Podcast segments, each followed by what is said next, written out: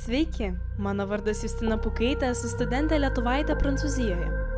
Jūs klausotės mano podcast'o Tarpinė stotelė.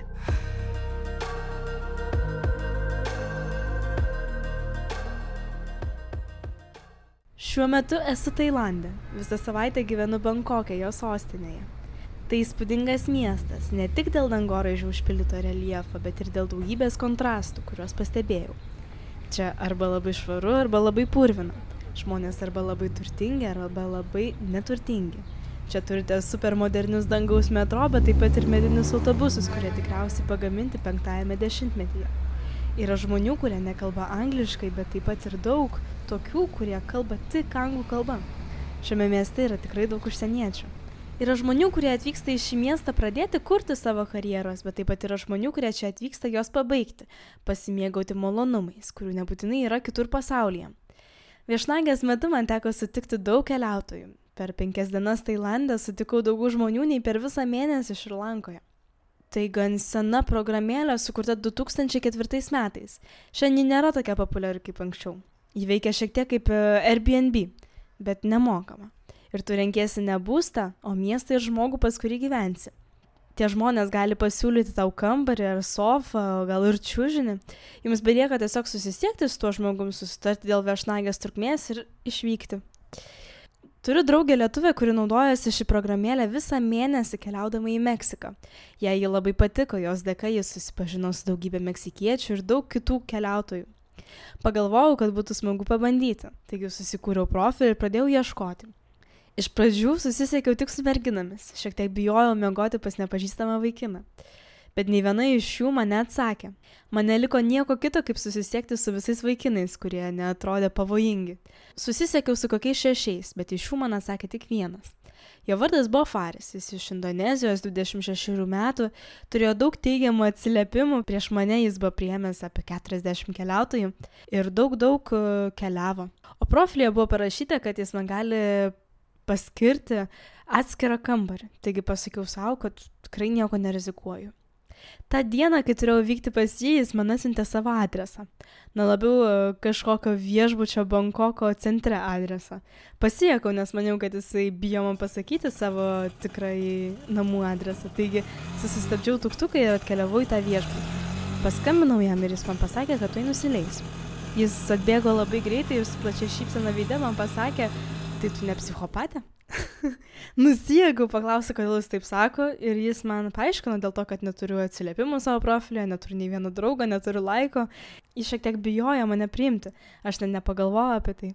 Paaiškinau jam, jog čia mano pirmas kartas, jis man pasakė, kad gerai padariau, kad pasirinkau jį. Sakiau, pažiūrėsim.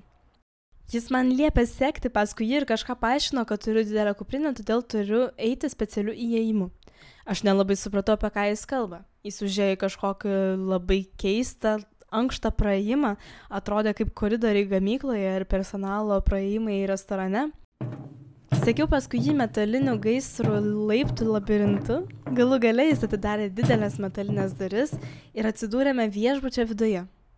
Tai viešbutis einantis per kelius aukštus, o koridoriai pastatyti kvadratu atrodo kaip balkonai. Nežinau, ar įsivaizduojat, vidury yra tokia erdvė, o pirmame aukšte toks nedidelis sodas su upeliu. Mes ėmėme šio koridoriumi tol, kol jis išsitraukė viešbučio kambario raktą - kortelę. Man nusišypsojo ir atidarė duris 112. Tadam, pasakė jis. Įėjome į tokį labai tamsų viešbučio kambarį. Jame buvo stalas, didelė lova, lentyna bei atskira patalpa voniai. Mano akis ieškojo durų vedančių į tą miegamąjį, kuris man buvo pažadėtas, ar bent atskiros lovas bet nieko neradau, tik lova praskeltą pagalvytę. Pajaučiau, kaip mano akis lengvai išsproga ir paklausiau jo, o kur aš miegu. Jis man taip ramiai pasakė, va čia su manimi lovoje. Pasakiau savo, kad jis pizdavais iš manęs. Mano smegenys jau buvo bepradančios panikuoti, ieškojo tūkstančių ir vieno sprendimo, kaip pabėgti. Gal galiu dar pasimti viešbutį ar kokį hostelį. Jis greitai greitai nutraukė mano mintis, sako, nesijaudink, aš nesikančiai. Ar moki važiuoti dviračiu? Namoku. Jis man pasakė, kad šiandien suplanavo visą dieną. Pirmiausia, eisim pavalgyti, paskui dviračio važiuosim kažkokią salą Bankoko centre, o vakarė eisim išgerti su draugais.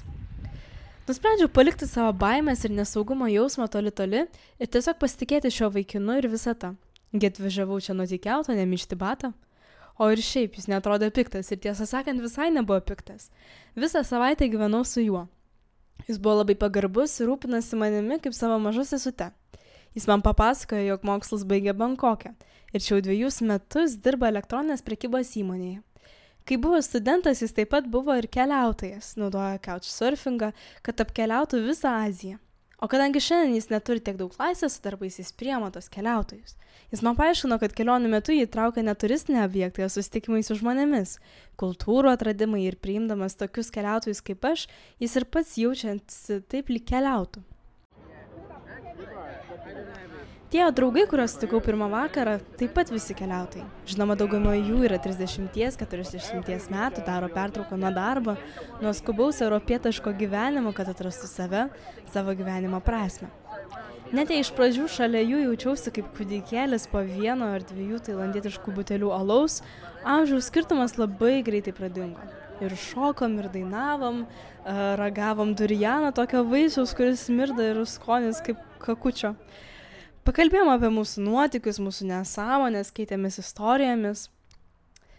Faris darbo dienomis dirbo, todėl turėjau sugalvoti, kuo užsiimti. Dažnai jis duodavo mano numerį kitiem keliautojam ir mes tiesiog susitikdavome, leisdavome laiką keliaudami kartu.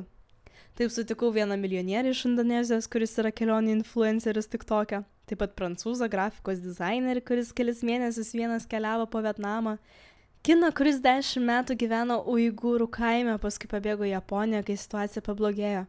Jam dvidešimt metų ir jis yra didžiausias kiečiausias keliautojas kurį aš kada nors pažinojau. Jis jau yra apkeliavęs penkiasdešimt penkias šalis ir dieną po to kai mes susitikom su juo jis išvyko į pakistaną o šiandien jau randasi irane. Susipažinau ir su buvusiu amerikiečių karininku kuris keturis kartus tarnavo irake Jis tikrai nėra senas, bet jau išėjęs į pensiją ir, kaip pats sakė, gauna neįprastai didelius pinigus. Jis pakvietė mane ir Farisą pavakarieniauti su juo labai prašmatnėme restorane. Aprodė savo didžiulį būtą su didžiausia terasa.